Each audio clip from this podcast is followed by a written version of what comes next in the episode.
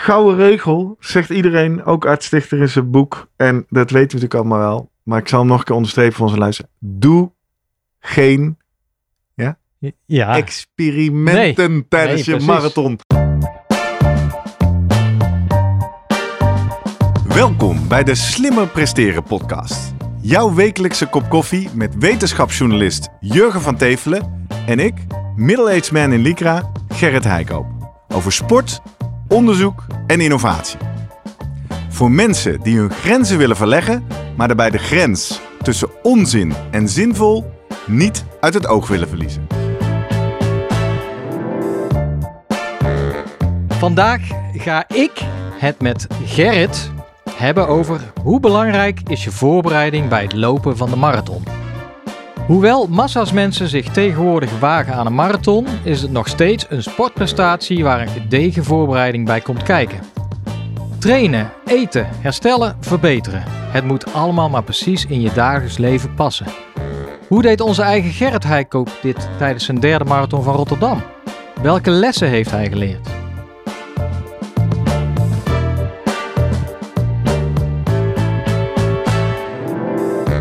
Voordat we beginnen, nog even drie dingen om aan te denken als jij zelf ook slimmer wilt presteren. Nummer 1. Druk nu gelijk even op abonneren, zodat je altijd direct in de gaten hebt wanneer er een nieuwe aflevering online komt. Nummer 2. Weet dat je Jurgen en mij ook kunt boeken voor jouw volgende bijeenkomst als spreker of presentator. Neem gerust eens contact met ons op via de contactgegevens hieronder. En 3. Deze podcast wordt geproduceerd en gesponsord door Live Online Events. Serieus goede content rondom jouw congres of event. Check www.loe.tv voor meer info. Goedemorgen Gerrit. Goedemorgen, Ja. Jurgen. Hoe voelt het? Nieuwe rol nu. Ja, de rollen zijn helemaal omgedraaid. Eh, Bijzonder om te gast te zijn in onze eigen podcast. Maar ja, je hebt natuurlijk een bijzondere prestatie geleverd. We hebben het al eh, eh, vermeld. Je derde keer Rotterdam Marathon. Ja, Ehm, derde keer gefinished. ja, hoe is het met je? Ja, het is goed. Het is nu eh, even geleden. Wij nemen dit op eh, één week na de marathon. We zenden het uit twee weken na de marathon. Ik moet zeggen, ik ben alweer bijna eh, door in de waan van de dag. De benen zijn weer als normaal. Ik kan zonder de leuning de trap weer op en af. Het enige wat mij nog dagelijks, iedere uur, iedere minuut Ja. aan deze marathon herinnert. Los van het vooruitkijken naar deze leuke aflevering. Is de blauwe teennagels op de grote tenen. Blauwe teennagels, terwijl je altijd voor rood gaat. Ja. Eh, iets met de schoenen, denk ik dan. Ja, dit, ja. ja er, er is heel veel misgegaan in deze marathon. Daar zullen we het nog wel over hebben. Ja, zeker. Dat gaan maar we een doen. van de dingen was ook dat de schoenen, uitgerekend de schoenen waarvan ik dacht, die gaan mij er doorheen helpen. Want toch die zolen leveren me 10% energie en weet ik het allemaal. Ja, die bleken een halve maat te klein. Eh. En eh, dat is iets wat Dus- elke marathonloper schijnt te weten op het moment Ja. dat ik dit vertel. Ah, ik wist is het niet. Een van de lessen dus die we al straks kunnen meegeven. Ja, en het was ook echt, eh, ja, het was letterlijk pijnlijk, zowel voor het ego als voor de voeten. Eh, ik had wel degelijk een testevenement gelopen op deze schoenen. Eh, ik, had, ik had er niet heel veel op gelopen hoor. Er stond ongeveer 130, 140 kilometer op. En in die kilometer zat ook een halve marathon. Twee Mhm. weken voor eh, de marathon van Rotterdam. Op deze schoenen. Ja. dat ging top. Ja. Heerlijk.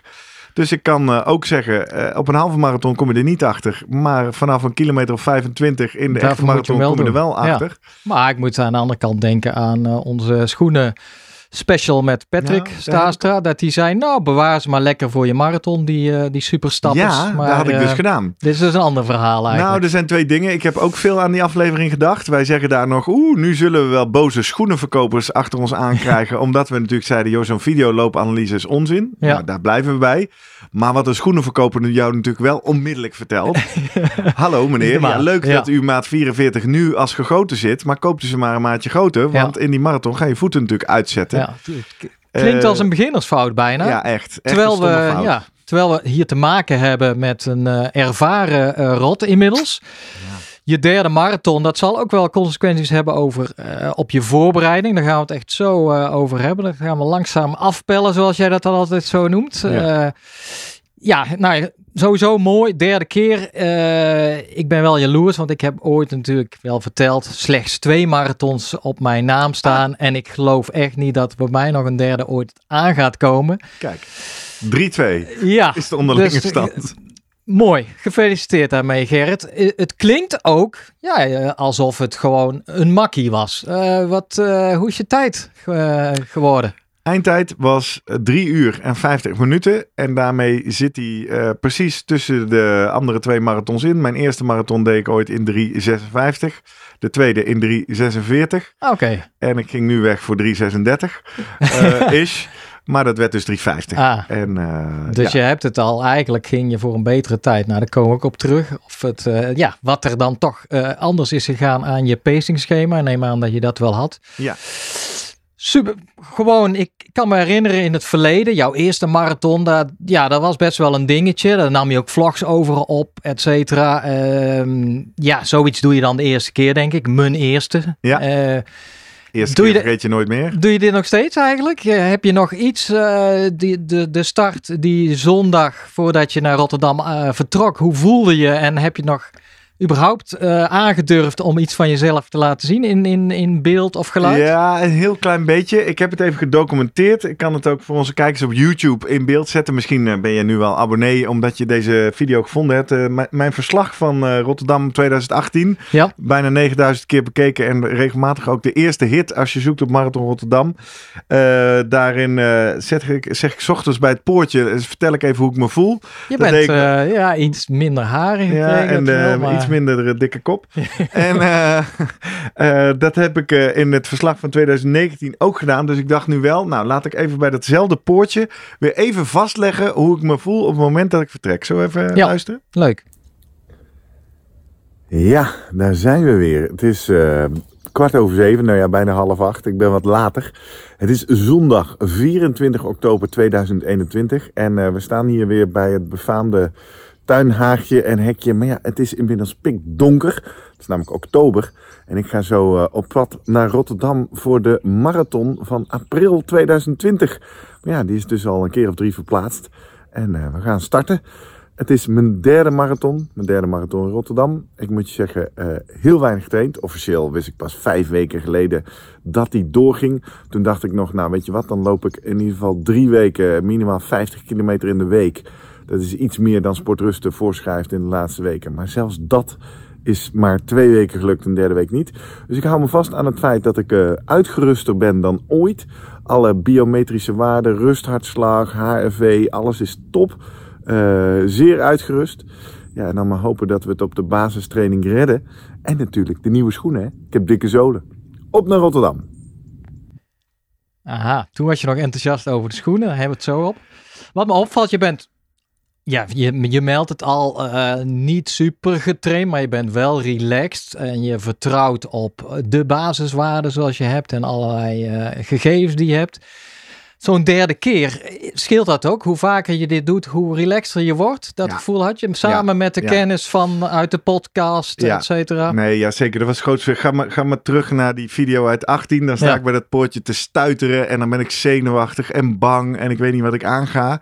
Dat was het grootste verschil. Ik wist nu wat me te wachten stond. Ik kan letterlijk nu nog zeggen. Ik kan het parcours dromen. Precies. Ik weet waar we zitten. Dus mentaal was het heel veel rustiger. En tegelijkertijd, mentaal was er ook wel onzekerheid. Want ik had, ik had alle lichten stonden op rood. Eigenlijk had ik tegen mezelf gezegd: als die drie weken 50 kilometer niet lukken, Ja, mag je niet starten. Om maar een soort ondergrens aan volume erin te leggen. Nou, zelfs die was ik aan het breken. Dus ik sta daar wel met goede bedoelingen. Vooral enthousiast dat er weer een evenement was. En hopend op een wonder. ja. Ik dacht, ja, het enige wat kan is een wonder. Nou, Maar dat is toch, toch gek, want je hebt met jezelf afgesproken, nou, dit moet de basis zijn. Als Nou, ik dat nog haal, doe ik niet. voor. Ja, In principe wil ik helemaal geen marathon in het najaar lopen. Want eh, dat heb ik in die vlogs ook wel eens uitgelegd. En ook wel eens in de podcast. Ik ben zo gaan sporten om mijn werk, wat int- intensief is, goed Ja. te kunnen doen. Dat zwaartepunt van het werk ligt nu in het najaar. Ik ben nu drie, vier, vijf dagen soms per week op het podium voor de camera actief. Zeer intensief. Daar wil ik topfit voor zijn. Daar train ik voor. Die marathon, die hoort daar helemaal niet ja. tussen. Dus, dus in een, een marathon in het voorjaar, leuk, daar kan ik naartoe trainen. Dan, dan ben ik fit. Maar nu eh, word ik helemaal opgesloopt door werk. Dus regel 1 was al, in het najaar geen marathon. Nou, toen kwam in augustus dat mailtje. hey, weet je dat? Je staat nog ingeschreven voor april 2020. Het is nu 24 oktober. Toen dacht ik na anderhalf jaar, en daar hebben wij het ook wel over gehad. Ik miste veel motivatie. Ik dacht, weet je wat? Zou ik het toch gewoon eens doen? En dat effect heeft hij echt wel gehad. Ik Ja. ben in de afgelopen maanden echt wel meer gaan trainen. Hè, marathonmotivatie noemde ik dat. Dan dat ik zou hebben gedaan als hij er niet had gestaan. Maar goed, in de, in de basis klopt het al niet. Nou, vervolgens is het volume aan training, mede ook door die drukke werkzaamheden, dan nog lager dan ooit. Gaan we het over hebben? Ik denk training. Dat is al. eh, Ja. We praten over de ideale voorbereiding. Maar ik denk, jij geeft hierbij al aan het probleem van de ideale voorbereiding. Een voorbereiding kan gewoon niet ideaal zijn als je daarnaast werkt, of een gezin hebt, of een keer eh, snotterig wordt, of eh, Ja. geblesseerd raakt. Kortom, ja, Het leven zat in de weg. ja, maar dat, dat geldt voor elke marathon, Ja, denk ik. En daar moet je dus op een bepaalde manier mee om kunnen gaan. En daar zullen we het dan ook wel over hebben.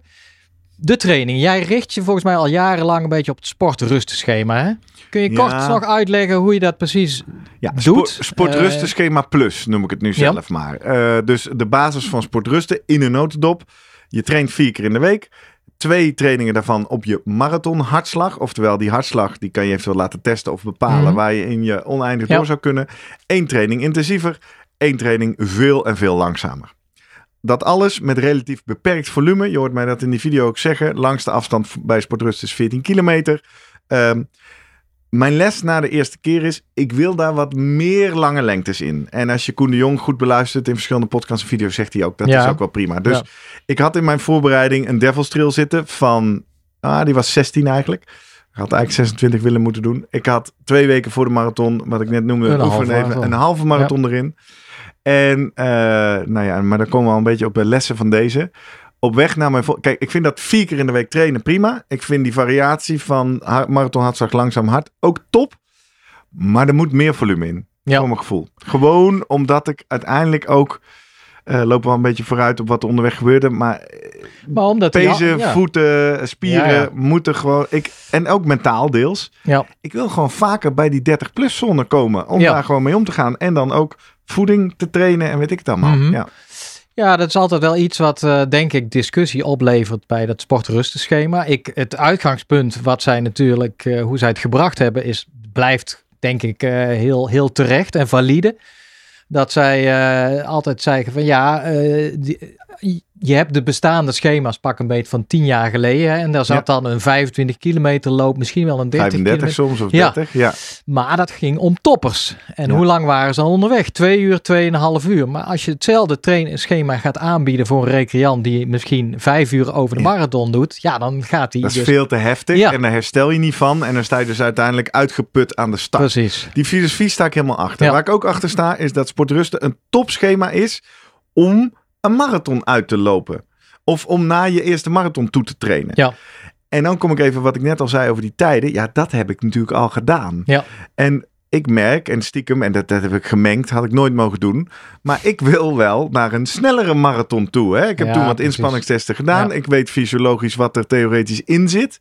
Nou, dat wil ik wel eens op gaan zoeken. Nou, dat doe je niet met zo'n voorbereiding. Dan maar- moet er gewoon echt meer getraind worden. Maar die halve marathon die je liep, die, dat was echt... Fluitje van de cent. Ja, Ja, dat gaf me ook erg veel ja. hoop. Maar denk je dan niet, nou, dit is perfecte training. Dit was 1,38 of twee, 1,37. twee, drie weken voor... de- Twee weken van tevoren, knijterhard, 300 hoogtemeters. Nee, heerlijk. Ja, Dus toen dacht ik, nou, zie je, Ja. de basis is er. Het maar kunnen. idealiter had jij toch in die periode of daarvoor al een keer of 15, wat vaker een half marathon gelopen. En, Nee, eh, nee, nee?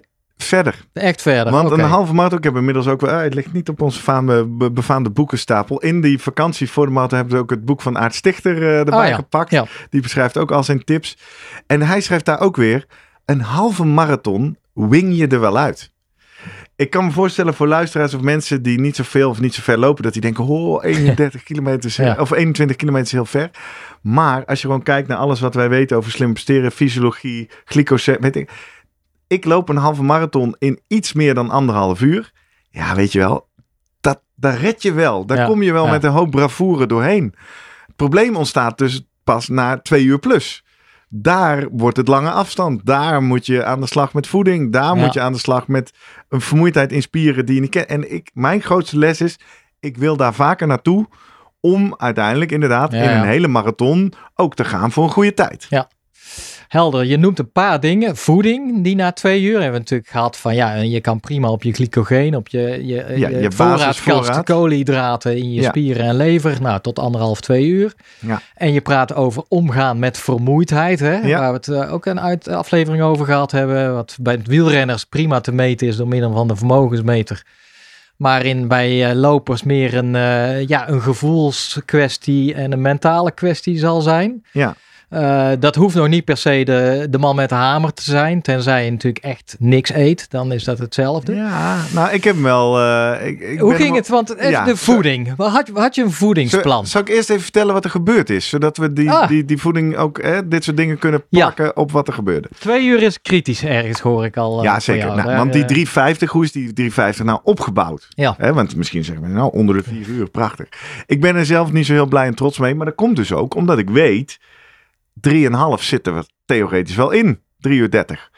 Eh, en nog wat sneller ook. Afgaande wat jij loopt op een afspannen, 10 kilometer. Ja, wat ik en loop op 15 10 kilometer, wat ik een loop op eh, ja. wat, wat inspanningstesten hebben ge- Ja. gezegd. Dus eh, dood of de gladiolen. Eh, we hadden vlak, eh, vlak voor de marathon nog de aflevering over pacing. En daar kwam nog weer naar voren. Als je kan eindsprinten, ben je niet hard gegaan. Je Zeker. moet dieper, dieper, dieper. Dus ik denk, nou weet je wat? Ik ga weg op 330. 330 is 5 minuten kilometer, had ik in mijn hoofd. Er staan in Rotterdam pacers in het vak, oftewel mensen met Ja. vlaggetjes Mhm. met 3 uur 30 erop. Ik denk, weet je wat? Ik ga daar achter zitten. Eerst had ik nog gedacht, nee, want achter zo'n vlag, daar zit een peloton. Dat loopt heel druk. Weet je wat? Ik ga er net voor zitten. Mocht ik ze dan niet helemaal bij kunnen houden en ze lopen me voorbij, dan heb ik nog wat slack. Maar ook weer tip uit het boek Ja. van Aart Stichter. Wind. Wind. Precies. Je denkt dat wind over wielrennen gaat. Ja. Nou, bij lopen ook. Ga maar uit de wind zitten. Dus uiteindelijk bedacht, nee, ik ga in dat peloton zitten. Ik laat me lekker meezuigen. Zo gezegd, zo gedaan. 330 eh, peloton op. En dat ging heerlijk. Ja, Ging heerlijk. Echt eh knallen. merkte je ook mentaal dat je denkt, wauw, dit Het is was gewoon echt... gezellig, eh, het ja. was leuk, we waren met een club. Het was ook leuk aan het publiek. Het was natuurlijk even voor de geschiedschrijving. Zondag 24 oktober was een prachtige Ja. dag. De week daarvoor was regen, maar het was graad of 10 tot 13 tijdens de race. Het was strak blauw zonnig. Er was een klein beetje wind. Dus er stond knijterveel publiek. En een van de dingen die leuk was aan het lopen met zo'n 330 vlag... is dat opeens de stoet betekenis krijgt voor het publiek. Ja. Want je hoorde iedereen de hele tijd... Oh, deze lopen 330. Oh, dat is snel, dat is snel. Dus dan nou, kwam er weer extra applaus. En het ging letterlijk als een speer. De kilometers vlogen voorbij. Het enige wat me een beetje dwars zat... We liepen de hele tijd 450ers Ja. laag. 451. En jij ging uit van 4,53. 4, Ik wilde 5 lopen. Ja, Want ik had nog eens teruggekeken. Wat was er ja. in 2018, 2019 gebeurd? De jaren 2018, 2019. Dat ik net iets te hard ging. Hebben wij het vaak Ja. hierover gehad. Omdat wilde ik ook 5 minuten kilometer lopen. Maar zat ik er net onder. En ik dacht wel al een paar keer. Ja, Pacers. Ik loop bij jullie omdat ik 5 minuten kilometer wil lopen. Net iets te hard lopen kan ik zelf ook wel. ging je met ze in gesprek zelf? Nee, nee, nee, nee, Je nee. trok je aan die Nee, vlak van, hé nee. hey, eh, jongen, eh, Nee, het was ook een dimmen. van mijn voornemens. Niet praten. Nee. Dat had ik in mijn eerste marathon gedaan. Had ik heel veel lopen kletsen in het begin. Ja, dat was je razend reporter volgens mij. Nam je nog je, je telefoon mee, alles Ja, te filmen. Ja, en, nee, eh, dus ik had- ja. en, en ik heb daarvan geleerd uit de hartslag. Daar kost je toch eh, tien eh, hartslagen als je niet oppast. Ja. Eh, hè, verhoogde hartslag. Ik denk, ik ga met niemand praten. Ook geen grappen. Oké, dus er was focus. Ja, focus. Focus. Ja. Ik heb wel, er waren op een gegeven moment eh, tussen kilometer 9 en kilometer 9, 10 ongeveer, liep ik bij twee kerels die enorm aan het kletsen waren. En ehm, ik liep er namelijk van de week aan iemand van zei, hoe ging? Ik zei, ja, lekker lopen kletsen. Oh nee, oh nee, ik was helemaal niet aan het kletsen, maar ik liep gewoon naast hun in hun gesprek mee te doen, weet je wel. Ik weet, de- ze hebben mij nooit gezien, maar dat, dat was heerlijke afleiding. En, eh, Toen liet je die focus weer even... eh, nou, ja. ik was gewoon met hun gesprek Ja. aan het meedoen. En Ah, ondertussen vlo- vlogen de kilometers voorbij. Wat is, heb jij een mentale strategie überhaupt? Van waar, waar mogen je gedachten naartoe gaan? Hè? Eh, denk je al aan de finish van wie je... nee, nee, ja, dat eh, zit ook in die vlog van die eerste marathon. Belangrijkste les eh, is eh, in de kilometer waar je bent. Hè. Ja. Run, run the mile you're in, zeggen ze dan geloof ik. Hè. Ja. En eh, dat is echt wel de essentie, zeker als het zwaar wordt. Ja. Je bent bezig in kilometer 25. En als je maar lang genoeg wacht, dan komt er een bordje en dan begin je aan kilometer Ja, ja. 26. En Maar ook sommige mensen loopstijl gewoon denken van nee, even mijn- rechtervoet mooi afzetten, mijn links en voelt het licht allemaal. ja, en nou, ik ben dus de die armen eerste en- halve marathon vooral bezig met eh, de mensen om me heen en met het publiek. Had ik me ook Ah, voorgenomen. Ik ja. wil het zien, ik wil genieten. van. Ja. Ik heb naar alle muziekgroepen gezwaaid en eh, weet je, nou, vond dat fantastisch. Ik heb dat echt heel erg in me opgenomen. Ja. Wat er gebeurt, zeker in zo'n pelotonnetje, is dat je, eh, je raakt toch een soort van bekend met elkaar. Want je loopt de hele Ja. tijd bij dezelfde mensen. Ik heb shirtjes gelezen. Ik heb Ja. gekeken of ik eh, mensen hun naam kon onthouden, zodat ik ze misschien later kon opzoeken op Strava. Dus daar was ik heel erg mee bezig. Hoe groot was die groep eigenlijk? Als ik even Nou, beeld Best groot, Ja. want er waren twee 330 pacers. Ah. Eh, eentje stond aan de linker startbaan. Je hebt twee startbanen in Rotterdam. Eentje aan de rechter. Die aan de rechter startbaan ging eerder weg. Iets eerder. En wij stonden bij die in de linker startbaan. Dus ik ben op een gegeven moment ook... Op kilometer 8 was er een rotonde naar links. En daar begonnen allerlei mensen af te snijden. Eh, Mhm. dat deed ik ook. Waardoor we opeens voor onze, onze eigen 330 pacer uitkwamen. Ja. Maar die andere zat een soort van 300, 400 meter daarvoor. Dus toen zei ik ook tegen een dame die bij me ik zei, kom, lopen we langzaam naar die andere toe, want dan hebben we wat slek. Ja. En toen dacht ik ook, ja, als we hier toch 450ers gaan lopen, dan, dan gaan we dat ook maar doen. Dus uiteindelijk zijn er een soort Ah, van ja. twee 330 pelotons en een zwikkie ertussen. Ja. Dus het is een behoorlijk groot, ja, wat zal het zijn? Ik denk wel 100 man of zo. Ja. Ehm, daar gingen we dus in mee, totdat eh, kilometer, halve marathon ging keurig. 1,42 geloof ik is de tijd. Eh, iets langzamer dan eh, twee weken daarvoor. Gingen terug, beetje eten. Maar je bedoelt en het 1,42, dan zit je een stuk, kom je ruim voor die, twee, eh die 3,5 uur uit. Eh, nee toch? 40, 2, ja. Ja, ik nou, zou volgens mij is het wel- 1,45 verwachten. Ja, daar moet je het- zijn. Ja, nee, Ja. ja. precies. Nee, dus we waren flink aan het banken. Wat Ja. ik dus eigenlijk niet wilde. Nee. Hè? Ehm, en ik begon me daar op 25 kilometer ook wel steeds meer aan te storen. Omdat ik natuurlijk begon te voelen dat het eigenlijk iets te hard ging. Even precies. Het ja. ging eigenlijk iets te Dus hard. die paar seconden eigenlijk, vijf, Per kilometer, seconden, ja, dat gaat toch optellen. verschil. Ja. Maar wat ik me dan afvraag, eh, ik ben altijd benieuwd, ja, hoe word je een pacer, hè? Ja. Wat moet je daarvoor laten zien? Wat, eh, die, dat zijn denk ik mensen die normaal veel harder Die kunnen veel harder lopen. en die gaan dan dit lopen. Maar Nou, hoe weten zij eh, ja, vanuit nou, een ik ga je horloge, dit vertellen. vanuit een ja, piepje? ja, ja, ja, eh, ik ga je dit vertellen, want op een gegeven moment 25 harder. Ik begon me te irriteren. Uh, waar, heb, waar heb je het mentaal? Oh nee, er gebeurde nog iets heel bijzonders, mentaal. En dat is wel een kleine voorbode voor wat er gebeurde. Rond 22 kilometer, dan moet je voorstellen, het parcours van Rotterdam ben je uit Zuid aan het terugkeren. Loop je richting de Maassilo. is een redelijk saai stukje. En dan moet je op een gegeven moment bereid je voor op terug eh, de Erasmusbrug over het Mhm. centrum in. Ja. Opeens komt daar toch een interessante gedachte voorbij. Die zegt, nou mooi, halve marathon. Zal ik anders gewoon, als we dadelijk bij eh, Erasmus zijn, eh rechtdoor lopen en naar huis gaan? Ben er wel klaar mee. Ik stop Ineens. ermee. Dat is wel interessant was een natuurlijk. hele Ja. sterke gedachte. Ja. Weet je wat? Ik stop ermee. Ik Ja. heb hier helemaal geen zin En in. ik heb een fantastische halve Ja, marathon Ik heb gelopen. hier ontzettend en, hier eh, naar mijn zin. ja. Ik heb te weinig getraind. Ik moet dit niet doen. Dus vraag, mijn eerste vraag is, waarom kwam die gedachte in je op? En ten tweede, ja, wat eh, dacht je daarna? Zeg maar? Hoe ging je daarmee om? Ik denk dat de gedachte kwam omdat het lijf bewust of onbewust wel wist. Aan het protesteren toch Meneer, je, Ja. bent op een, je bent met iets bezig wat je niet gaat volhouden. Ja. Het is natuurlijk ook rond de tijd dat glycoseen opraakt en Ja. zo. Hè, dat de andere systemen aan moeten. Ja, en eh, dan komt dus, wat, wat zich daar ging aandienen, is de motivatievraag. Ga jij nu diep de diepte in? Heb ik daar zin in? En Heb ik daar zin in? Moet ik dit gaan doen? Of is het inderdaad wel goed zo? Ja, Ik vond het opvallende gekke gedachte, want ik heb hem eigenlijk nooit. die ken jij niet. Nee, Nee. ik ken niet de opgif, eh, gedachte van opgaan. En wat hebben we mee? Ja, ik heb hem, ik heb hem weggestuurd. Ja, en, nou, en, maar je schrok nee, er wel van, denk ik ik. schrok Of, ervan eh, en ik ben teruggegaan. Daar is hij, daar is het antwoord. Teruggegaan naar nu. Ja. Dat is nu niet aan de Ja. orde. Eén, we zijn nu niet bij de Erasmusbrug. We zijn bij de Maasilo. En we zien dat straks wel. Ja, Maasilo was trouwens een bijzonder punt. Daar is ook een metrostation. Bakken publiek, jongen. Het Ja. leek wel Tour de France. Twee kanten, vier rijen dik, juichen. Dus dat geeft dan wel weer energie. Maar precies, dat helpt dan ook om die gedachten opzij te zetten Ja, en denken, ja, ik, zie je, hier doe je het voor, hier ging je van genieten, kijk daar maar naar, laat je opzwepen. Toen- een mooi moment, toch even om, we zijn toch nog met stuk voorbereiding en eh, je noemt het al, mijn glycogeen is daar een beetje aan het opraken, tenzij jij natuurlijk gewoon je voedingsplan hebt. Ja. En die heb jij. Je Ja. als eh, Nou- ervaren rot in een marathon, eh, wat betreft marathons, plus trouwe luisteraar van de Slimmer Presteren podcast, hè, dan weet je dat je een voedingsplan moet hebben waar uiteindelijk ook koolhydraten of Zeker, suikers in zeker. zitten. Dus hoe zag mijn plan eruit?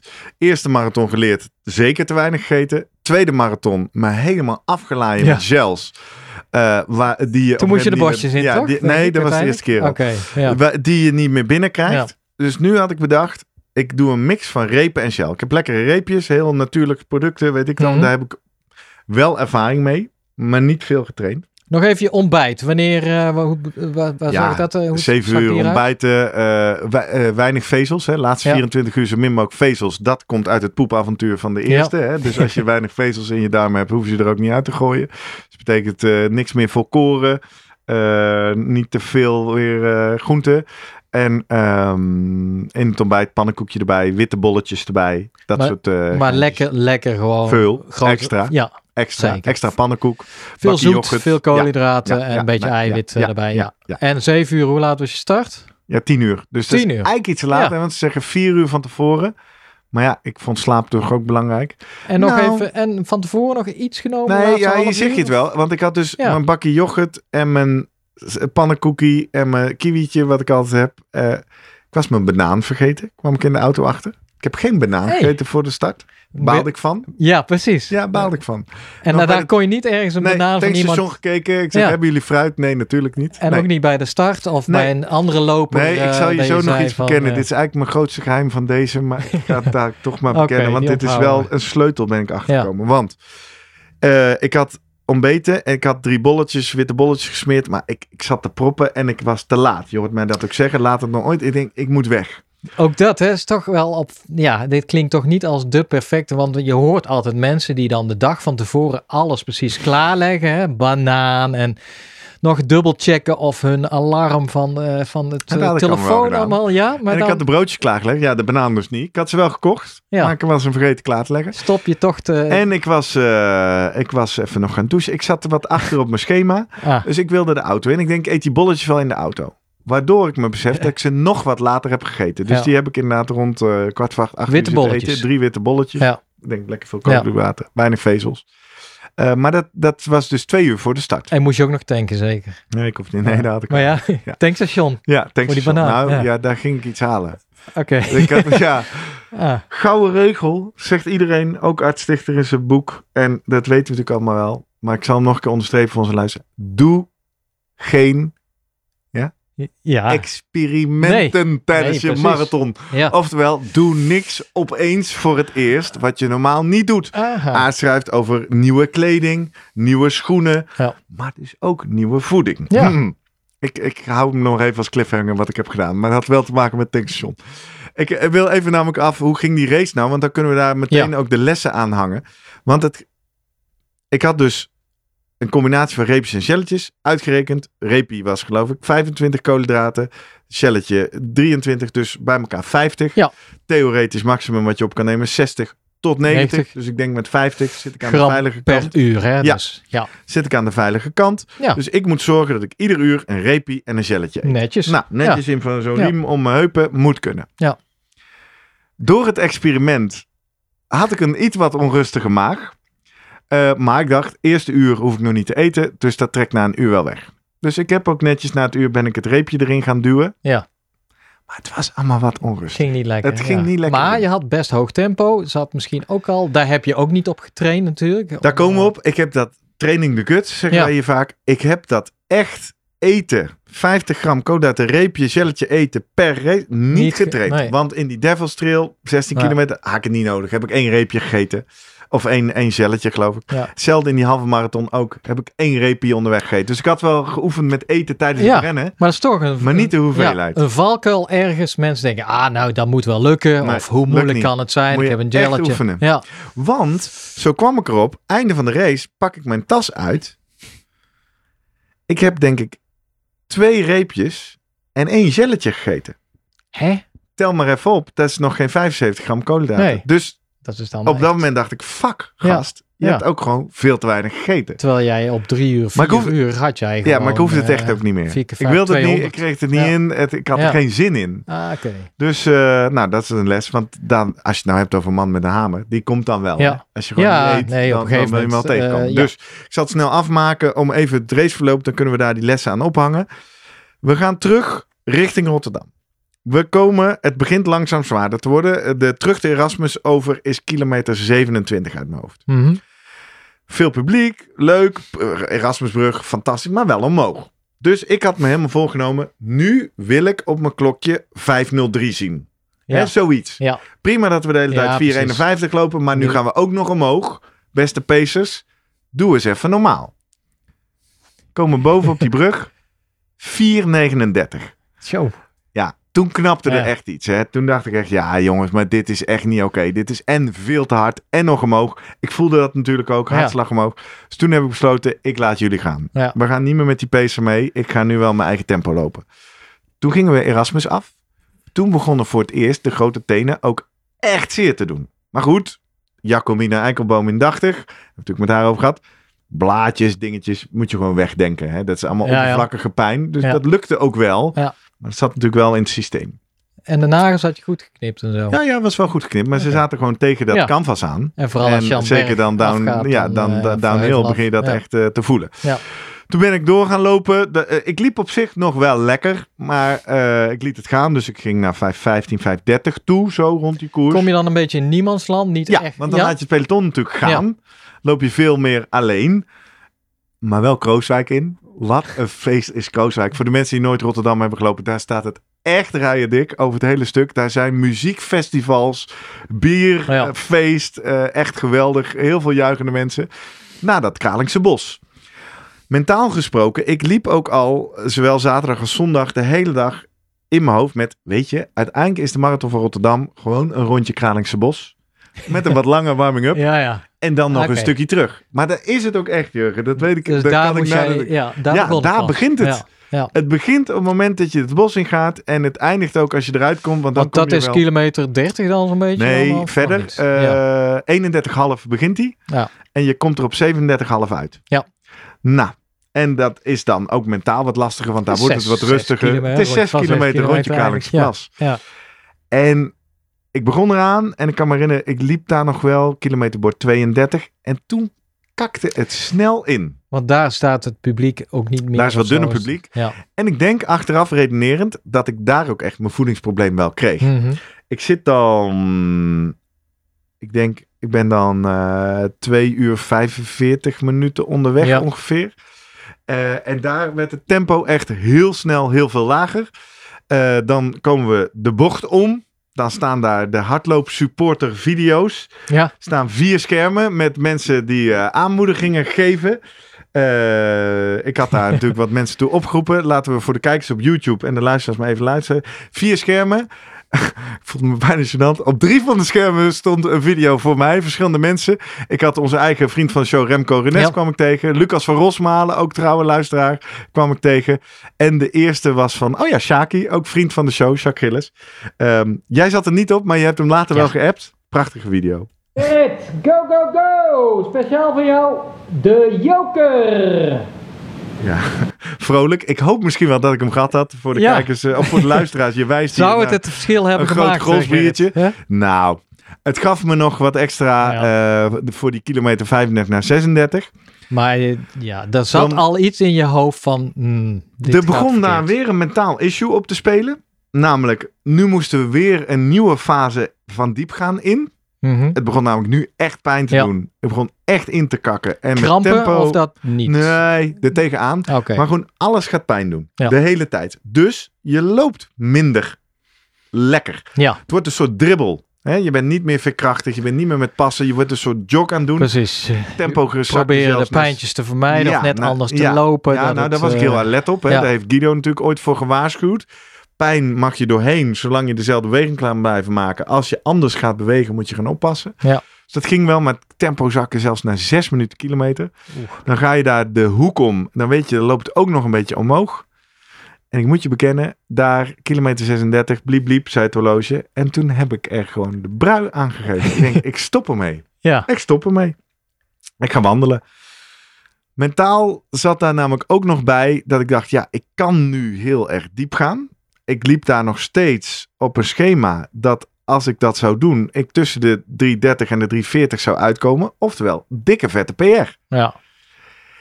En ik denk dat iets in mij zei, ja, denk, ja, maar je verdient hem ook niet, gast. Je hebt net iets meer dan 100 kilometer getraind. Je gaat toch niet Ja, ja. nu zo een dikke PR lopen? Eh nee, het is een beetje achteraf recht lullen Ja. wat krom is. Maar ik, ik vond Ja, op, ook... op dat moment kun je niet zo rationeel denken nee, waarschijnlijk. Hè? maar er zat wel iets in mij dat ik dacht, Ja. met zo'n voorbereiding, weer 10 minuten van je PR af, volgens mij is dat niet verdiend. Dus ik ben gaan wandelen. Ik, heb, ik ben letterlijk gestopt. Dacht jij niet van uitstappen echt? Dat dan ook weer niet. Ja, dat is ook door mijn hoofd gegaan. Heel even. Maar hoe ziet dat eruit? Ja. Want dan sta je daar, moet je toch Ja, terug. ja, hoe kom je terug? Ja, Ja, wandelend. ja. Dus ik denk, nou, gaan we, ja, dus ik ga wandelen. Als ik toch ga ik wandelen dacht nog dan... eh, ergens, misschien eh, vind ik dan nog ergens de geest door de rust. Ja, ja. Was je de enige wandelaar eigenlijk? Nee, al lang niet meer. Nee, al lang niet meer. En oké. ik was ook al... Nou op- nee, nee. Maar ja, dan kijk je om je heen wie de wandelaars zijn en dan denk je... hm, Ja, en wil je zit daar nog horen? wel in Ja, regionen toch? voor mensen die voor een tijd van 3,35 gaan. Ja. Dus er wordt ook nog wel flink gelopen om je heen. Maar nee, er zijn al veel meer wandelaars. Ja. Maar daar, daar sloot ik me bij aan. En ik vond dat mentaal moeilijk. Want ik dacht, nou ja, ik dacht dus ook even... Ja, Schaamde je eigenlijk? ja schaamte was er. En ik dacht, ja, dan ga ik ook maar niet de, marath- de medaille halen. Ja. Je had toch niet een slimmer presteren podcast shirt aan op dat moment? Want dan... Wel eh, een de t-shirt. maar ehm, nee, want ik dacht, ja, het is tenslotte geen wandelevenement. nee. Hè? Het is een hardloop-evenement. Ja. En er er was echt wel een soort knip. Ik dacht, ik stop nu met hardlopen. Ja. Ga wandelen. Nou, dat is eh, lekker. En eh, wandelen, eh, toch twee, drie keer geprobeerd. Ook door de aanmoedigingen wel weer Wordt steeds moeilijker. Hè? Als je eenmaal ja. hebt gewandeld, Ja, dat is eens. met, met de grote verschil vind ik altijd. De wielrennen kun je benen even stil of een stukje Ja. rustiger bij, bij, lopen. Ja, als je Nee. tempo gaat Nee. wisselen en vooral als je gaat wandelen, nou, dan is het ook Komt er niet meer in. Nee. Nee, dus ik heb eh, eh, Rooswijk ingewandeld. Op een gegeven moment bij wat hele grote feeststukken nog wel weer even de jog Ja, ja. ingezet. En dat duurt dan weer een paar honderd meter. Ik vind, die- ja, wat ik zeg, het publiek staat je dan ook echt aan te moedigen. Hè? Want die denken, nou, we zullen hem mentaal er doorheen slepen. We schreeuwen hem naar het hardlopen toe. Ja. Ja, daar zit dan zeker ook wat schaamte, hè? Want die, zij staan ook, zij willen fucking hardlopers zien. Niet een gozer die over dat parcours wandelt. Ja. Eh, op een gegeven moment had ik ook een dame, die, dat, die staan wel bij. Die ging echt helemaal los. Kom op. Ja, je naam staat natuurlijk op Ja, je buik. ja. Kom op, Gerrit, kan je gaan. En ik keek haar ook echt zo aan. En dat deed ook niet. Ik zei tegen haar, ik word een beetje bang van je. oh, zei ze. Nou, eh, doe je wel. Ik zei, ja, komt goed. Nee, oké. Maar, en toen, uiteindelijk kom je dan bij kilometer 41. En dan staat het zo dik. Ja, ja. Dan, Toen dacht ik, ja, maar hier kan je het ook echt niet meer Ja. maken. Dan moet je nu ook echt van het parcours af of gaan hardlopen. Want hier kan je het echt niet meer maken om maar te het wandelen. klonk ook wel, je was behoorlijk geïrriteerd eigenlijk. Je was helemaal Over niet... mezelf. Ja, als jij tegen zo'n dame zegt van, nou, ik word bang van je of Ja, zo. ja, ja. maar ik- nee, Zat- nee, dat is anders. hoe ik was gewoon vo- volle teugen aan het genieten van het Oh, feest. Maar ik voelde me natuurlijk wel out of Ja. place. Ja, Ik hoorde daar niet helemaal, want het is geen wandelevenement. Dus toen ben ik eh eh laatste twee kilometer, ja, een, eh, 41, 40,5 denk ik, ben ik toch maar weer in de jog geschoten. Ja. En dan kan het wel, hè, want dan, dan staat er zo verschrikkelijk veel publiek. En dan kom je onder de eh kubuswoningen door, dan ga je naar de Koolsingel. ja. Ja, en dan, dan nou, dat zal iedereen herkennen, dan maakt het niet meer uit hoe je voelt. Dan, Dan word je gedragen. jij, eh, dat hele Lekker stuk, aan die eh, Koolsingel. Die is val pla- vals plat naar beneden. Dus dat is ook wel fijn. alleen die tenen. Ja, maar de, ja, die, er was zoveel pijn, dat Ja. stond wel uit. En wat ik mooi vond, toen ik die laatste vijf... eh, ik, ik zag de 550 werd het nieuwe doel. Hè? Ik dacht, oh ja, ik Oh kan ja, die 550 nog halen. Wat was je ook Of aan eh, het- 350 ja, moet ik Was je zeggen. een beetje aan het rekenen ook zo van, nou... nee, dit, maar ik eh, was zo wel aan ja. het kijken. Ik denk, nou, onder die vier uur, dat kan zeker nog. Dat blijven we wel doen. En toen dacht ik, nou, dat 350, dat is wel een mooie tijd. En toen liep ik op die Koolsinger. Toen werd eh Abu Talib geïnterviewd. Nou, laten we even toch ook in deze podcast zeggen. Ahmed Abu Talib is de held. Ja, Dat is natuurlijk de man die vijf weken geleden of vijf weken daarvoor had gezegd. dit moet door. Als een soort WVT-kaartje in de gemeenteraadsvergadering. Jongens, oh ja, nog iets. Ik ga de vergunning Ja. verlenen. Ja, En hij stond daar ook een interview te geven. En hij zei dat ook weer zo mooi. Hij zei: Deze dag tuurlijk is het bijzonder dat al deze mensen hier aan het lopen zijn. Maar dit is echt een festival voor Rotterdam. Dit is Rotterdam in alle eh, vaten. Iedereen Ja, is buiten. Het is één groot feest. Er is geen enkele wanklank. Had natuurlijk nog die Feyenoord supporters in zijn hoofd van die paar dagen daarvoor. Ja. En hij was ook zo'n trotse burgemeester. En onder die klanken liep ik op. En toen zei hij ook nog één keer... Hè, toen zei die speaker tegen hem... Nou, eh, mogen we dan ook eh, wat feest zien? Zei hij, nou, normaal ben ik... eh, zijn avond- normaal ben ik een hele statige, saaie man. Maar als jij het aan me vraagt, zal ik het nog één keer doen. Dus Rotterdam, ik tel af. En dit waren letterlijk mijn Oh, laatste 100 meter, hè? Geweldig. Rotterdam, ik tel af. Laat je horen. Ja. 3, 2, 1. En toen ontplofte die hele single. Nou, daar ben ik dan maar op eh, naar binnen Ja. gegaan. Ja. En eh, toen janken, jongen. Janken. Ja, echt. Zo emotioneel. Dat, dat, dat herkent iedereen. Dat is de uitputting. Ja. Maar toch ook wel toch gedaan. Ja. Toch ook de frustratie en de schaamte van hè, waarom is het zo gaan. Aan de andere kant, wat ik tegen iedereen heb gezegd. Het is loon naar werk. Was er iemand na de finish voor je? Eh, ja, er staan daar heel veel EHBO'ers. Ja. En die willen vooral dat je doorloopt. Maar jij hebt nooit, eh, je familie kwam niet, of Oh, je zo. gezin, of Eh, nee, bekenden, die of, eh, eh, hebben het op de app gevolgd. Daar moet ik het ook over Ja. hebben. Dat was natuurlijk één groot drama. Hè? Schaam. Dat is de enige Ja, smetvlek op deze editie. Want jij wist die gewoon, app. die kijken mee en eh, Ja. ja. en de app werkte voor geen meter. Oké. Nee, er was daar op, die, op dat moment niemand persoon. Ik was daar zelf. Ik was emotioneel. Ik stortte toch wel even op het hek. En dan is zo'n E EHBO wil maar één ding weten. Moet ik jou in een rolstoel zetten of kun je door? Ik zei nee, nee, gaat wel. Oké, kun je dan even doorlopen? Want dat Ik- finishvak moet vrij Ja, het natuurlijk. verbaast me wel ergens, want ja, ik ken jou ook wel als een nuchtere eh, Hollander ergens. Maar Jurgen, ik heb eh, twee keer echt gejankt en een aantal keer bijna ge- Ik heb zelfs bij Litouwen staan janken. Eh, huilen, zeggen Dat was dan. al voor de- geëmotioneerd. voor de ja, in het start. startvak. Eh Litouwen zingt daar You Never Walk Alone. ja. En ja, dat is natuurlijk wel emotioneel zeker. Ja, en wat daar volgens mij samenkwam, is toch ook een soort afsluiting van die Ja, klote ja. coronaperiode. Hè? Eindelijk stonden we daar weer met 20.000 man in dat startvak. Lee was weer buiten, vlaggen, banieren, alles kon weer. Het is meer de setting die Ja, jou en de mensen om je heen weer. die emotioneel eh, Ah, raken. Dat ja. je daar, daar ben je gevoelig voor. eh. ja, wist ik niet, ja. maar toen wel. Ja. Maar heb je die, die andere eh, twee marathons toen je over de finish kwam, was het net zo emotioneel voor je nee, deze het is bijna? altijd huilen. Nee, huilen over de finish Want in. Renkum, eh, Nee. ja, dat, dat, dat, dat Ja, is maar ik heb daar wel iets over gelezen. Misschien moeten we daar eens wat wetenschap over Ja. zoeken. Eh, dat schijnt ook dat dat bijna iedereen dat heeft. Want het is een combinatie van een, de fysieke uitputting. Dus er gebeurt iets fysieks, fysiologisch. dat snap dat, ik, dat je er bent. Met natuurlijk de emotionele trots van de reis. En dat je het toch hebt volbracht. En ik denk dat iedereen heeft zich ergens door een mentale grens moeten duwen. Want je duwt je natuurlijk doordat ik wil niet meer heen. Dat is natuurlijk een beetje het Michiel Panhuizen eh, verhaal, denk ik. En eh, dat heb jij eh, ja, in ultieme vorm nu beleefd al op een marathon bijna. Dat jij je onvoldoende voorbereid toch in een zone komt Ja, waar je nog niet geweest bent, zeg maar. Een zone nee, betreedt. en dus ook van, de keuze waar, dat ik daar niet heen wilde. Nee, En Klopt. dat heeft wel met motivatie te maken. Daar Ja. hebben wij het altijd over gehad. Daar heb ik wel over nagedacht. Wat gebeurde er nou bij 36? Dat ik zei, ik stap uit. Ja. Er was dus een keuze of ik moet nu mezelf gaan motiveren om door die pijn heen te gaan. Of ik stop ermee. En ik, en ja, ik geloof...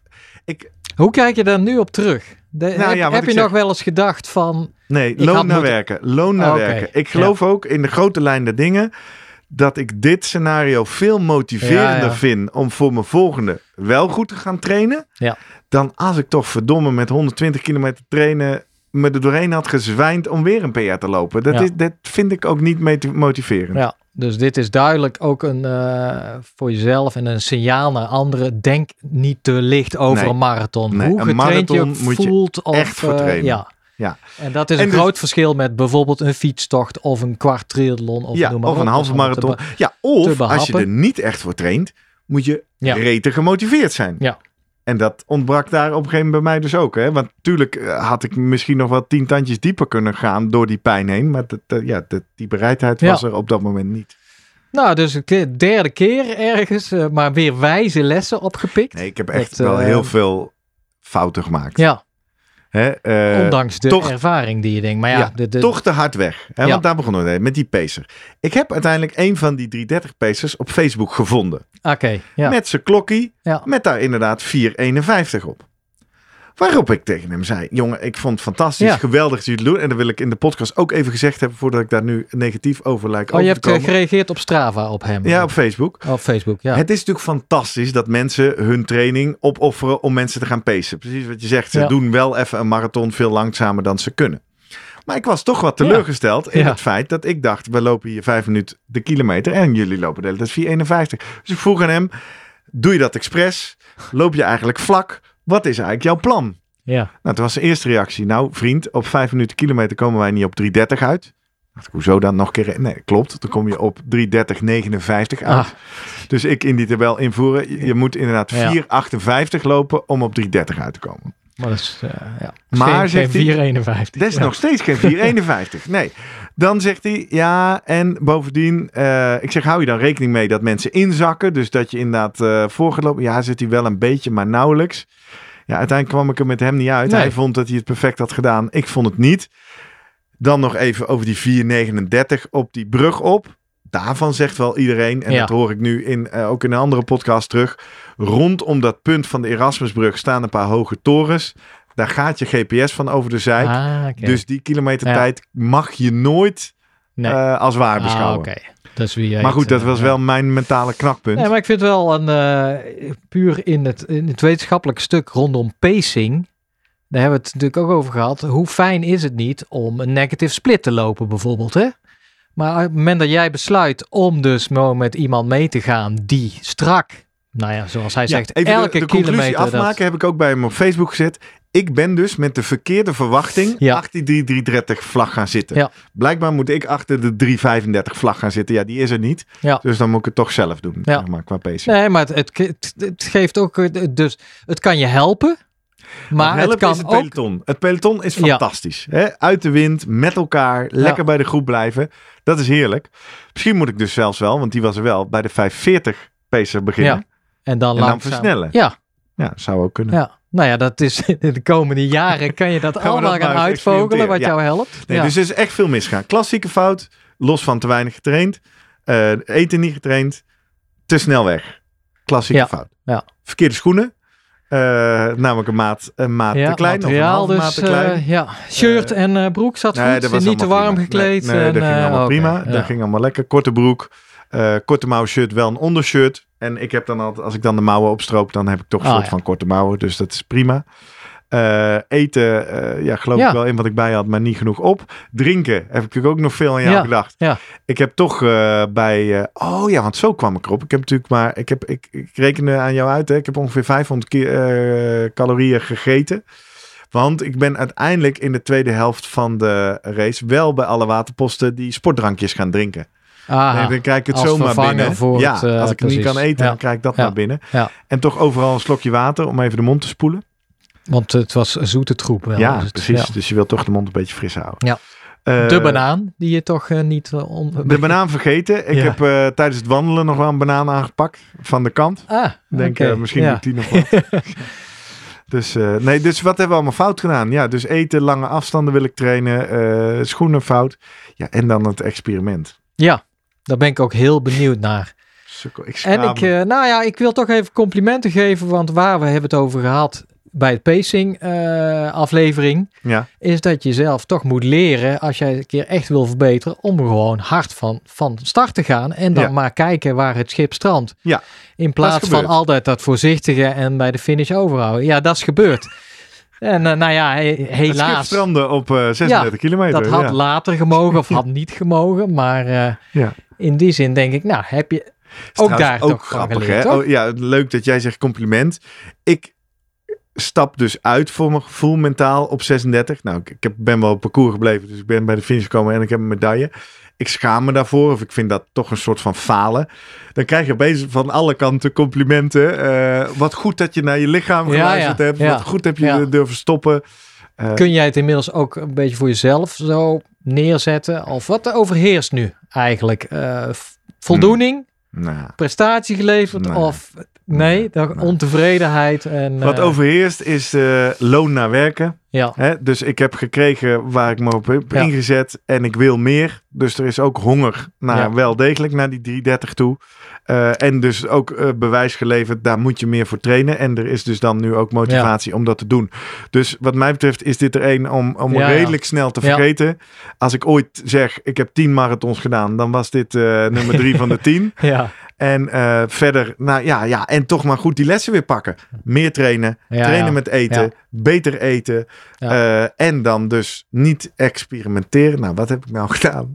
Komt wel een beetje door onze podcast. Ik had het al één keer eerder gedaan. Namelijk, eh, ik heb zitten nadenken over dat wij zeggen, je moet veel koolhydraten Mhm. eten. Zeker. En vaak wordt gezegd, je moet vlak voor de wedstrijd even nog een gelletje pakken. Dan zit dat er maar vast in. Daar dan hadden we bij de glucose, eh, patch ja, over, Ja, hè? Ja. gaan, eh, gaan doen. Ja. Ook hebben wij een aflevering over cafeïne. Ja. Waarin Ah. we geleerd hebben dat cafeïne het vermoeidheidssignaal Ja. remt. Ja. Hm. Dus ik dacht, iets met veel koolhydraten en cafeïne. Zal ik er anders een Red, Red Bulletje in gooien? Ah, Dat heb ik, Ja. als je goed hebt opgelet op eh, mijn Instagram-account, bij Kijstad gedaan. Oké, ja. Heb ik ook zo voor de start een Red Bulletje weggetikt. Dat ging prima. Maar, is mijn les inmiddels, Kijstad was natuurlijk een sprinttriathlon. Ja, 1 uur, 10 minuten of minder zelfs. je begint met zwemmen. Niet, hoef niet te eten. Nee. Nee. Nee. Dus, hier is dat tankstation, Ja. waar ik ook wel op zoek ging naar een banaan. Maar dacht, weet je wat, ik haal even Red Bulli. Dus ik heb eh, in het startvak Ah, een Red. Bulli weggetikt. Ja. Ook niet getraind. Keek je om je heen? Soort waren ja, meer mensen nee, die ik heb het, dat eh, zo. Ja, ja. Natuurlijk waren niet meer mensen dat, die dat deden. En eh, ik Ah, weet inmiddels ja. ook waarom dat niet goed ging. Los van dat mijn maag onrustig werd, omdat ik niet zo vaak Red Bull drink. Eigenlijk nooit. Ja. Wat las ik nou van de week? Het gaat ook om conce- concentratie. Isotoon versus Ja, hypertoon. ja. En de verhouding koolhydraten-vocht in eh, Red Bull is natuurlijk helemaal af. Ja. Er zit veel te veel koolhydraten ten opzichte van vocht in. Dus daar gaat die maag van afstreek. En Ja. moet het lichaam van alles doen om dat bij te mengen. Ja. En daar heb ik natuurlijk last van. Ja, ja. Sukkel. Want heb jij sowieso, oh, eh, moet jij 's ochtends drie keer eh, naar de wc poepen en et cetera? voor zoiets? Nu niet. Nee. Nee, normaal wel. Nee, maar daar zit wel dus die Omdat tip. je dus relaxed wel Nee, omdat ik geen vezels meer eet. Ja, ja, dat scheelt Hè, echt dus wel. de eh, laatste ja. eh, 24 uur Ja. geen vezels eten betekent... Ja, vezels zijn natuurlijk eh, Ja. veel restafvalstaf waar Ja. ontlasting, waar je van moet poepen. Ja, als je dat niet eet, dan hoef je dat ook niet af te scheiden. dus dat, dat werkt goed voor je. Ja. Alleen eh, het ging mis dat je de banaan eigenlijk vergeten was. Banaan vergeten, dat was meer mentaal hoor. Maar eh, we En weten toen- natuurlijk banaan veel energie, maar ook veel Ja. kalium en dat soort dingen hè, tegen kramp. Ja. Dus daar had ik mentaal denk ah kak, mijn banaan vergeten. En eh, ja, Ja. Nee, dus Maar wanneer kwam dat bij je op van had ik die Red Bull maar niet genomen? Was dat al eh, redelijk snel dat je denkt, hmm, die darmen voelen toch anders? Of, ja, dat. Ja. Ik, eh, de darmen waren natuurlijk wat onrustig, dus toen dacht ik wel, oh kut. ja. zal ja, ja, zal toch niet die Red Bull zijn? Eh, tweede schrik was dat ik dacht, oh, ik heb wel heel weinig gegeten. Ja. Toen ik mijn tas uitpakte. En de derde klap was natuurlijk toen ik eergisteren of zo las. Oh ja, Oh, ja. isotoon, hypertoon. ja. Eh, Maar wel nou fijn dat je nu een verklaring hebt. Ja. Toch? Ik bedoel, je hebt alle, fijn. we hebben allemaal verklaringen. Ik bedoel, eh, het kan alleen maar beter gaan, denk ik bijna. Dus Ja, maar dan, en daarom zeg ik dus, waarom is dit nou één om snel te vergeten? Ja, doe even dit soort lessen in je eerste fucking Ja, ja. marathon. Hoezo, hoezo met mijn wijsneuzige slimmer presteren podcast moet ik daar, moet ik daar nu achter komen? we zijn voelt, allemaal mensen, Gerrit. dat voelt hè? wel een Hey? beetje dommer. En eh, dus, nou ja, misschien is de derde ook nog maar. Kijk, sommigen die hebben eh 20 marathons, 30. Misschien leer je het wel nooit, Ja, hè? en we hadden natuurlijk eh, in onze slim presteren appgroep over met Guido ook. Ja, En wat hij natuurlijk ook is, ik heb natuurlijk, omdat ik te weinig getraind had, geprobeerd om alle randzaken die Ja. wij in onze podcast bespreken goed voor elkaar te ja, krijgen. maar de- precies. Maar hè, ik zei natuurlijk ook al als les van ja, training the good, training the good. Ja. Waarop hij ook zei, nou als je nou gewoon begint Ja, met gewoon, gewoon te trainen. trainen, ja. ja, Dus ga gewoon trainen. Het gast. gaat om de basis natuurlijk. Ja, en de basis tuurlijk. zit hem in eh, puur de trainingsarbeid, de trainingsintensiteit die jij... eh, Zelfs jij, Gerrit Heikoop, jonge eh, hond die nog heel fit oogt en eh, Ja. op eh, een halve marathon een paar weken geleden echt fantastische tijd liep. En mijn Renkum triathlon ook alle hoeken liet zien. Ja, ook jij loopt wel eens tegen Ja, jouw, joh, een eh, marathon is gewoon echt een ander. Jij moet beest. trainen. En ja. alle clichés zijn waar. Het begint pas vanaf 30 en het is eigenlijk een rondje Kralingse Ja. Bos. En ik merk dus wel, in die zin, ik moest wel denken aan Michiel Panhuis ook in de ban van de Barkley. Die faalde natuurlijk ook steeds. Ja, dat voel ik nu ook wel. Ik heb nu alweer behoefte om straks op 10 april 2022 Het- toch een keer te proberen dat ding hardlopend. En dat heb ik de eerste twee Ja. keer wel gedaan, maar gewoon redelijk fatsoenlijk hardlopend uit te lopen. En dan afgaand op jouw voorbereiding een, een reële schatting te maken van de eindtijd die haalbaar moet zijn. Hè? Dat ja, lukt, nou, dat ik denk was, nog steeds dat die 330, Ja. 335 Ja. erin zit, maar dan moet ik wel meer trainen. Precies. En daar heb ik hopelijk in de winter, eh, is nu volgens de planning veel meer tijd voor ook. Nou, dan dat, moet het ook dat- klinkt als eh, dat we dan eh, in voorbereiding op jouw volgende marathon, Jan Vierde, gaan we weer dit gesprek houden, denk ik. Juist Ja, van misschien moeten we alle luisteraars oproepen. Zullen we een, eh, een virtueel loopteam beginnen? Hè? Ja. Zullen we samen mee gaan doen aan eh, Rotterdam? Het, eh, kijk, ik heb natuurlijk met mijn twee marathons. Nou, ik moet zeggen, eerlijk bekennen, ik was een week. Twee weken. Nee, ik was in Parijs. Ja. En op de dag dat daar de marathon was. Ja. Nou, en daar wist ik niks van. Dus heel toevallig liepen wij een rond en ineens een stuk afgezet. En daar kwamen ze langs. En ik denk dat Parijs is nog groter waarschijnlijk dan Rotterdam. En dan zie je eigenlijk dat lange lint van mensen inderdaad met de pacers, et cetera. Ik denk, ja, dit is heerlijk natuurlijk. Als je op deze manier, nou, de eerste eh, 20 kilometer Ja, vliegen nee, voorbij. zo'n pacer is En, eh, fantastisch. ja, Hij moet alleen wel op goed ja. tempo lopen. Dus- nee, andersom. Zij lopen wel goed tempo. Ik moet achter de goede pacer gaan zitten. Dus toen dacht ik stiekem ergens van, nou, ik ga het helemaal omgooien. Kijk, ik train nu altijd maar jaren steeds voor 10 kilometer, max 15 kilometer, allemaal voor die sprinttriathlon. Misschien moet het gewoon om dat ik gewoon nu allemaal duur ga trainen. Een beetje meer echt laag tempo, puur uitlopen. En wie weet kan ik in de toekomst nog eens een derde marathon gaan lopen. Na dit van jou gehoord hebben, dan denk ik, nou, ik moet er niet te licht over denken. Dus eh, het, het is duidelijke les. Jongens, een marathon is eh, niet iets van, ah, die doen we er even bij. Ook al zijn er verhalen van mensen die amper ja, maar die hebben dan vaak een en, hele eh, extreme motivatie. ja. Hè? Die doen dat voor een overleden ouder. ja, Of precies. die doen, ja, weet ik goed het. doel. En, eh, Ja. ja. En Ja. Dan denk ik nog best wel dat je nog wat tien tandjes dieper kan Dus als ik ben mist ook gegaan. een beetje de motivatie. Enorm. Ja, dus, ja, eh, want ik vond ook dus ergens dat ik het niet verdiende ja, met deze voorbereiding. ja. En wat als nou je gezin of je familie was meegekomen? Als, je, Mm. als ik langs de kant was gaan Mm, staan en nee. al, die luister, al onze luisteraars. Nee, dat, eh, Nee, dat is het niet. Nee, ik heb enorm genoten van al dat publiek langs Ja. de kant. Ik heb dat maximaal gebruikt. Maar uiteindelijk moet je het wel zelf doen, hè? Ja.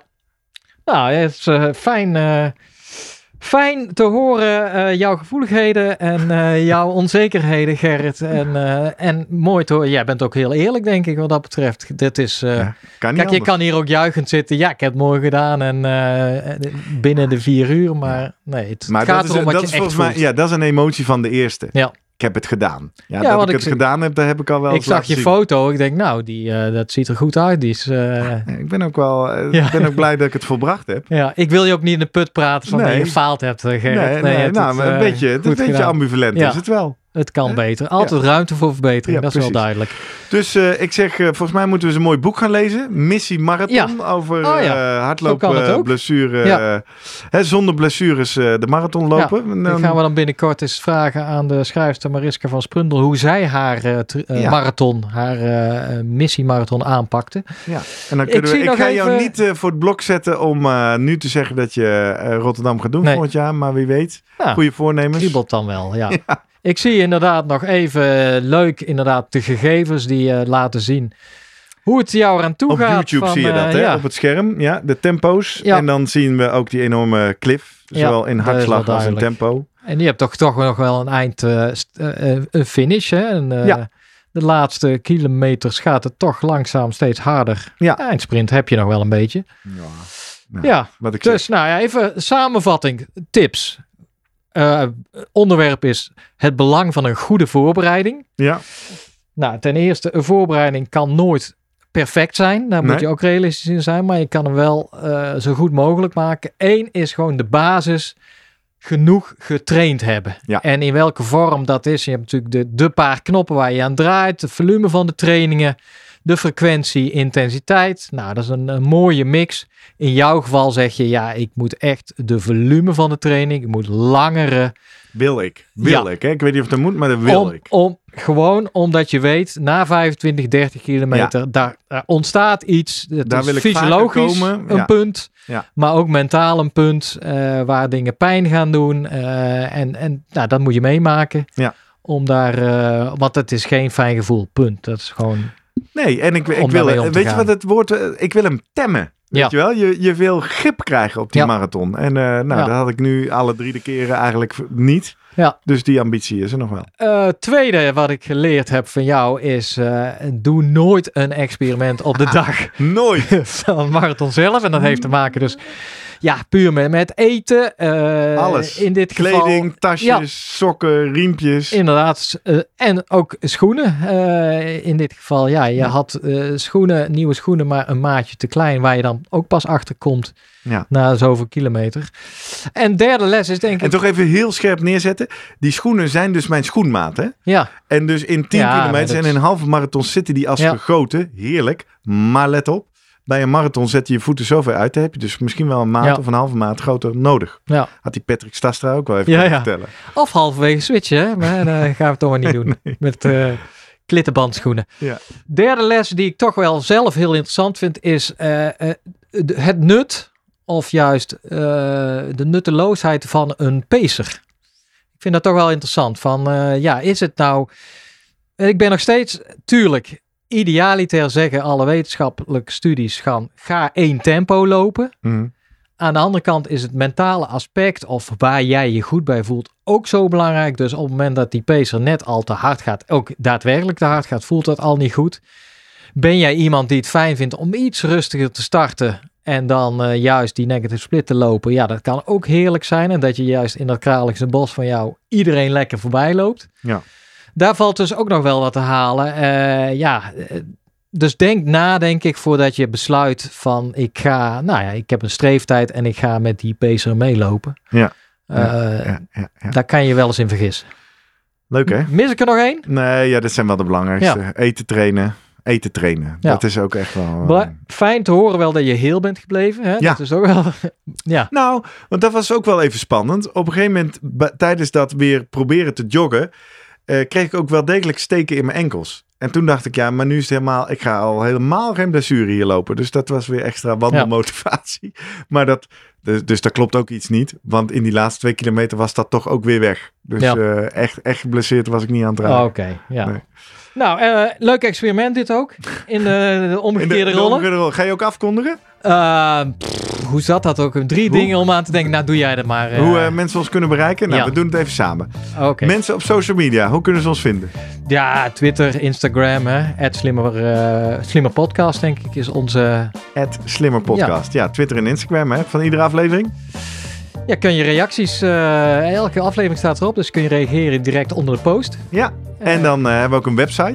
Zeker, de uh, www.slimmerpodcast.nl Ja. Waarom Met- is dat handig eigenlijk? Ja, dat is denk ik, kun je per eh, elke aflevering ook apart vinden. Daar apart op reageren. Doorsturen vooral. Hè? En doorsturen Kun je de naar link mensen kopiëren. En, die eh, bijvoorbeeld hun eerste marathon of hun derde marathon gaan lopen. En net zoals Gerrit net nog niet perfect hebben gedaan. ja.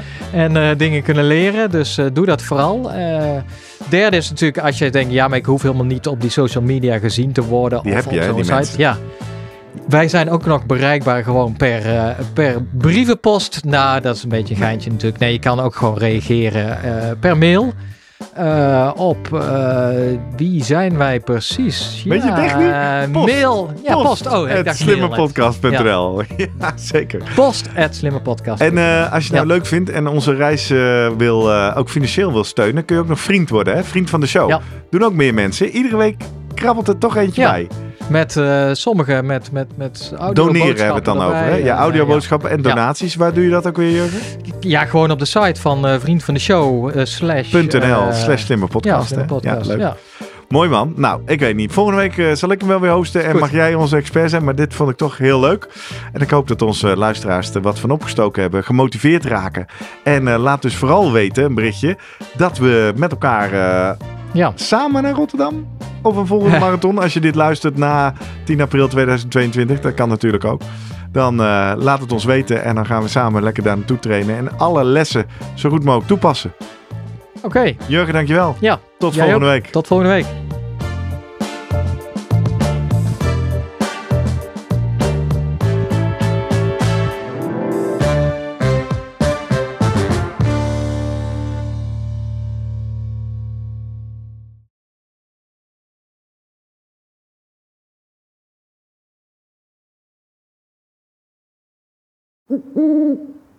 Hey, pst. Voordat je weggaat, denk er nog even aan uilentorenloop.nl. Dan zien we je de eerste zaterdag van juni. Tot dan!